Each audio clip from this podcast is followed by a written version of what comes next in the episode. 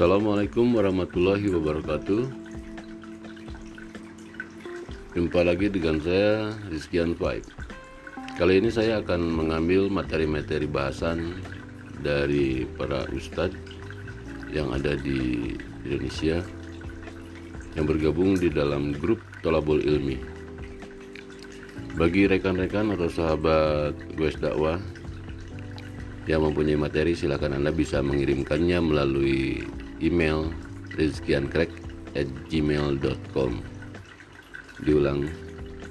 R I Z K I A N C R A C K at gmail.com Baik, rekan-rekan gue dakwah Wassalamualaikum warahmatullahi wabarakatuh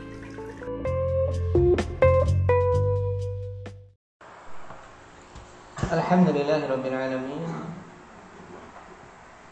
والصلاة والسلام على المبعوث رحمة للعالمين. وعلى آله وأصحابه ومن تبعهم بإحسان إلى يوم الدين. أما بعد. إخواني الكرام رحمني ورحمكم الله. Setelah kemarin kita mengetahui apa itu Islam. Dan ini tidak boleh seorang muslim jahil tentang hakikat Islam. Karena dia mengaku muslim harus tahu Islam itu hakikatnya apa. Jangan sampai Islam hanya sekedar pengakuan agama Islam Tapi tidak tahu Islam itu apa. Nah Maka ini hendaknya betul-betul apa? Betul-betul terpatri pada diri kita. Islam itu ya seperti ini Yaitu intinya berserah diri pada Allah dengan mentauhidkannya. Kemudian tunduk kepada Allah Subhanahu wa taala dengan mentaatinya. Dan yang ketiga harus berlepas dari kesyirikan dan pelakunya. Inilah hakikat Islam, Ya rahmukallah. Kapan saja ditanya Alhamdulillah Nah saya sampai lupa. Nah Kita masuk pada permasalahan berikutnya. Setelah kita tahu Islam itu apa Nah Ditanyakan kam arkanul Islam? Berapa rukun-rukun Islam? Dan yang dimaksud dengan rukun Alhamdulillah Yaitu sisi yang paling kuat dari sesuatu kalau itu bangunan berarti rukun adalah apa? Tiang penyangga utamanya. Yang suatu bangunan bisa tegak. Taib.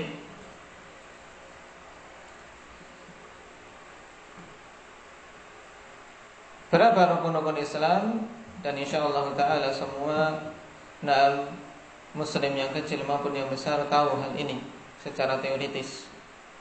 Cuma kita harus lebih dengan apa? Menambahkan dalil padanya. Khamsah Rukun Islam itu lima hiya syahadatu an la ilaha illallah wa anna muhammadar rasulullah Yaitu yang pertama Persaksian bahwasanya tidak ada sembahan yang hak kecuali Allah Dan bahwasanya Muhammad itu utusan Allah Dan rukun yang pertama ini yaitu syahadatain Alhamdulillah merupakan enam kunci yang tidak akan diterima perkara-perkara yang lain tanpanya. Dan telah kita lewati dalam hanya pelajaran bahwa persaksian la ilaha illallah memiliki syarat-syarat. Sebelum kita baca mimba bil murajaah untuk murajaah. Apa saja syarat-syarat la ilaha illallah? Hendak ya ikra.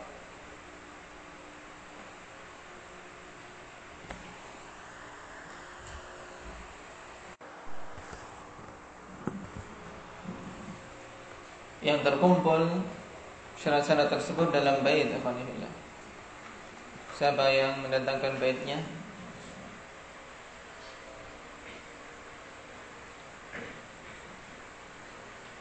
Alif.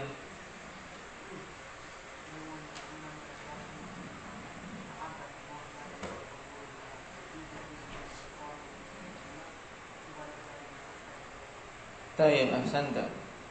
Ini untuk yang menghitung delapan. Tayyib ilmun yakinun wasidku kama'a. Naam. Mahabbatin wa qiyadin. Tayyib apa? Wal qabuli laha. Tayyib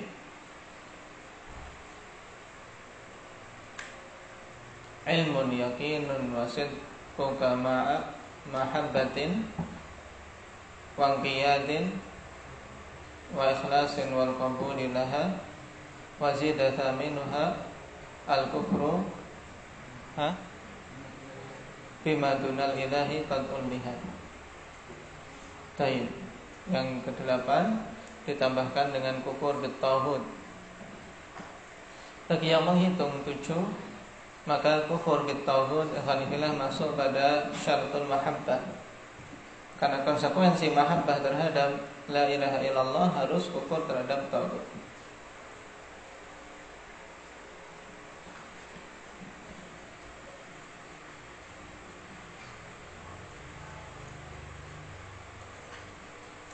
Dan syahadah Muhammadur Rasulullah konsekuensi dari pengakuan kita bahwasanya beliau adalah Rasul apa? Indah.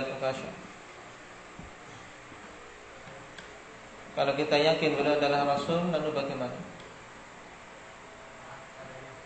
Tak kepadanya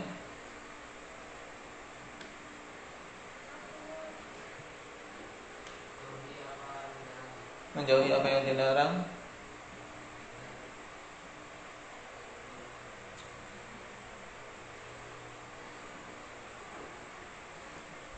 Hmm. Apa saja yang kurang? Pak Tarman Tunduk dan patuh kepada perintah beliau Terus Berarti apa? Tidak beribadah kecuali dengan yang beliau bimbingkan Nah menjalani sunnah beliau itiba maksudnya Tidak beribadah kecuali dengan mengikuti sunnah beliau Ta'atuhu fima amar Wa tasdiquhu fima akhbar Wajtinabu manaha anhu wa zajar Tayyib. Wa iqamus salat. Yang kedua menegakkan salat. Dan menegakkan salat lebih dari sekedar melakukan salat.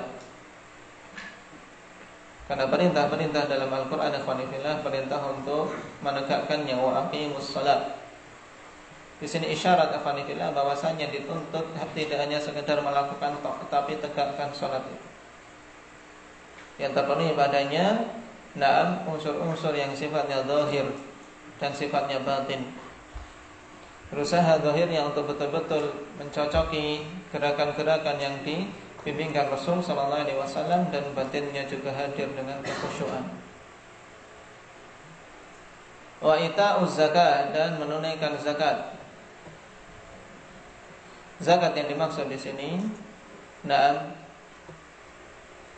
zakatul mal Tayyib harus menunaikan apa? Zakat yang merupakan hak harta. Puasa Ramadan dan puasa di bulan Ramadan yang tinggal beberapa hari lagi semoga Allah Subhanahu wa taala berikan taufik kepada kita untuk bisa bertemu dengannya dan bisa mengisinya dengan sebaik-baik amalan. Kemudian yang kelima wahajjul bait liman istata'a ilaihi sabila dan berhaji ke Baitullah. Al-bait al di sini al apa namanya? Indak ya Zakaria.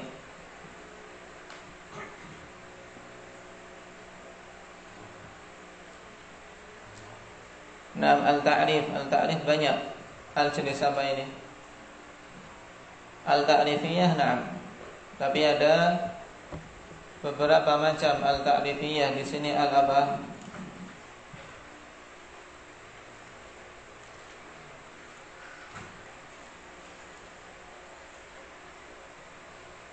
Aba Zaid?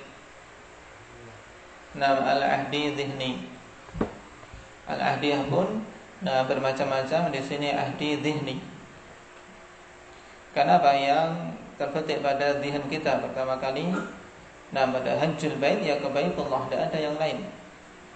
Nah yaitu ke Ka'bah liman istata'a ilaihi sabila bagi siapa saja yang mampu untuk menempuh jalan ke sana. Insyaallah semuanya sudah hafal lima rukun Islam ini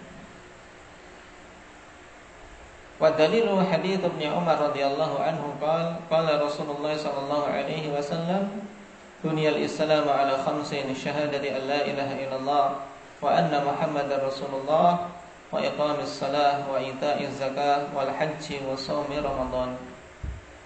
Dalilnya adalah hadith Ibn Umar radhiyallahu anhu.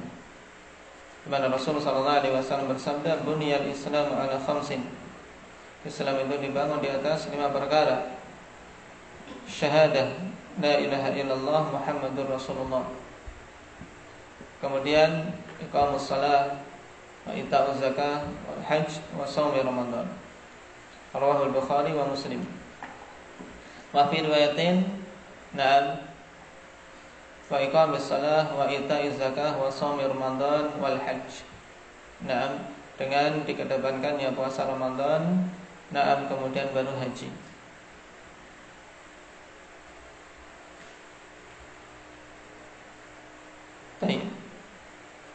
Dan hal ini Evanifillah termasuk perkara awal amal yang hendaknya anak-anak ditalkin tentangnya tentang arkanul Islam.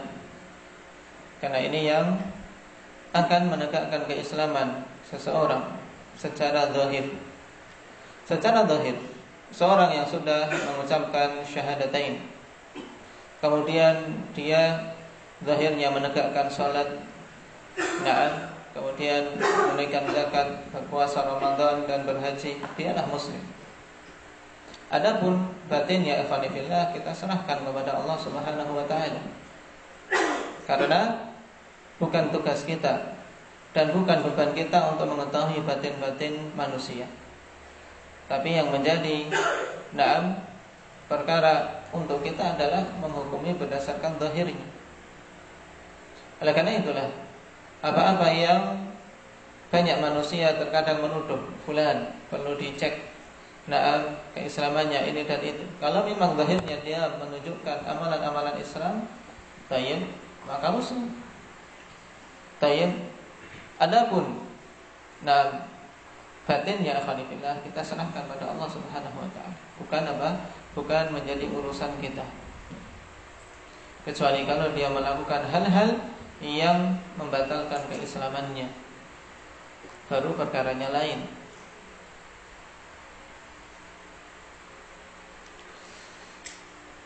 Kemudian permasalahan yang ke-12 Ma huwa dinul ladzi la yaqbalullahu ghairah Apa itu agama yang Allah Subhanahu wa taala tidak akan menerima selainnya? Dan ini juga jelas setelah kita lewati pada pembahasan yang lalu secara sekilas. Tapi di sini ditegaskan lagi untuk kita apa? Nah, betul-betul terpatri pada diri anak-anak kita. Bahwasanya Islam adalah agama yang Allah Subhanahu wa taala tidak akan menerima agama kecuali agama tersebut. Ma huwa din alladhi la yaqbalu Allahu ghairah? Apa agama yang Allah Subhanahu wa taala tidak akan menerima selainnya. Tidak akan menerima selain agama tersebut. Huwal Islam itu adalah Islam. Hanya Islam yang Allah Subhanahu wa taala terima sebagai agama yang diridhai.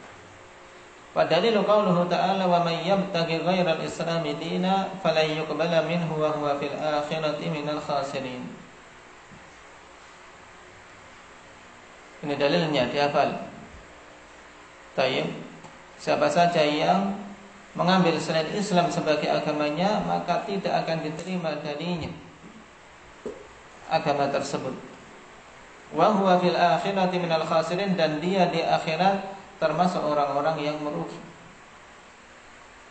Dan telah kita lewati di depan inna dina indallahi islam sesungguhnya agama di sisi Allah itu Islam. Ayat-ayat ini ayat pokok akan yang seorang muslim hendaknya betul-betul memahaminya sehingga dia bangga dengan keislaman, yakin tidak ada keraguan sedikit pun bahwasanya siapa saja memeluk selain Islam maka dia apa? Dia tidak diterima. Baik itu Nasara, baik itu Yahudi, baik itu Majusi atau yang lainnya. Kalau itu bukan Islam, maka itu nah, tidak diterima oleh Allah Subhanahu wa taala. Yakin. Tidak boleh ada keraguan sedikit pun. Tayyib. Di mana prinsip ini pada zaman-zaman ini akhwanifillah semakin terus-menerus dikikis walaupun usaha mereka sejak dahulu berusaha untuk mengikis keyakinan kaum muslimin tentang apa? tentang prinsip ini. Sehingga ada istilah ta'ayush ilmi, hidup berdampingan damai yang intinya adalah apa? Takarub bainal adyan untuk mendekatkan, mencampur adukkan antara agama-agama yang ada. Seruan sudah lama, Alhamdulillah dan persatuan tiga agama. Tapi kalau di negeri kita juga seruan-seruan yang begitu banyak. Untuk apa? Untuk toleransi yang kebablasan. Islam mengajarkan khalifina untuk toleransi tapi pada batasan. Maksudnya toleransi yang syar'i adalah apa? Ya kita berikan hak naam orang-orang yang mengambil selain Islam sesuai dengan hak yang telah ditentukan dalam syariat Islam. Tapi bukan berarti kemudian nah, kita menging, mengikrar apa menyetujui nah, mentakrir yaitu apa melegalkan agama mereka bahwasanya itu agama yang benar, agama yang baik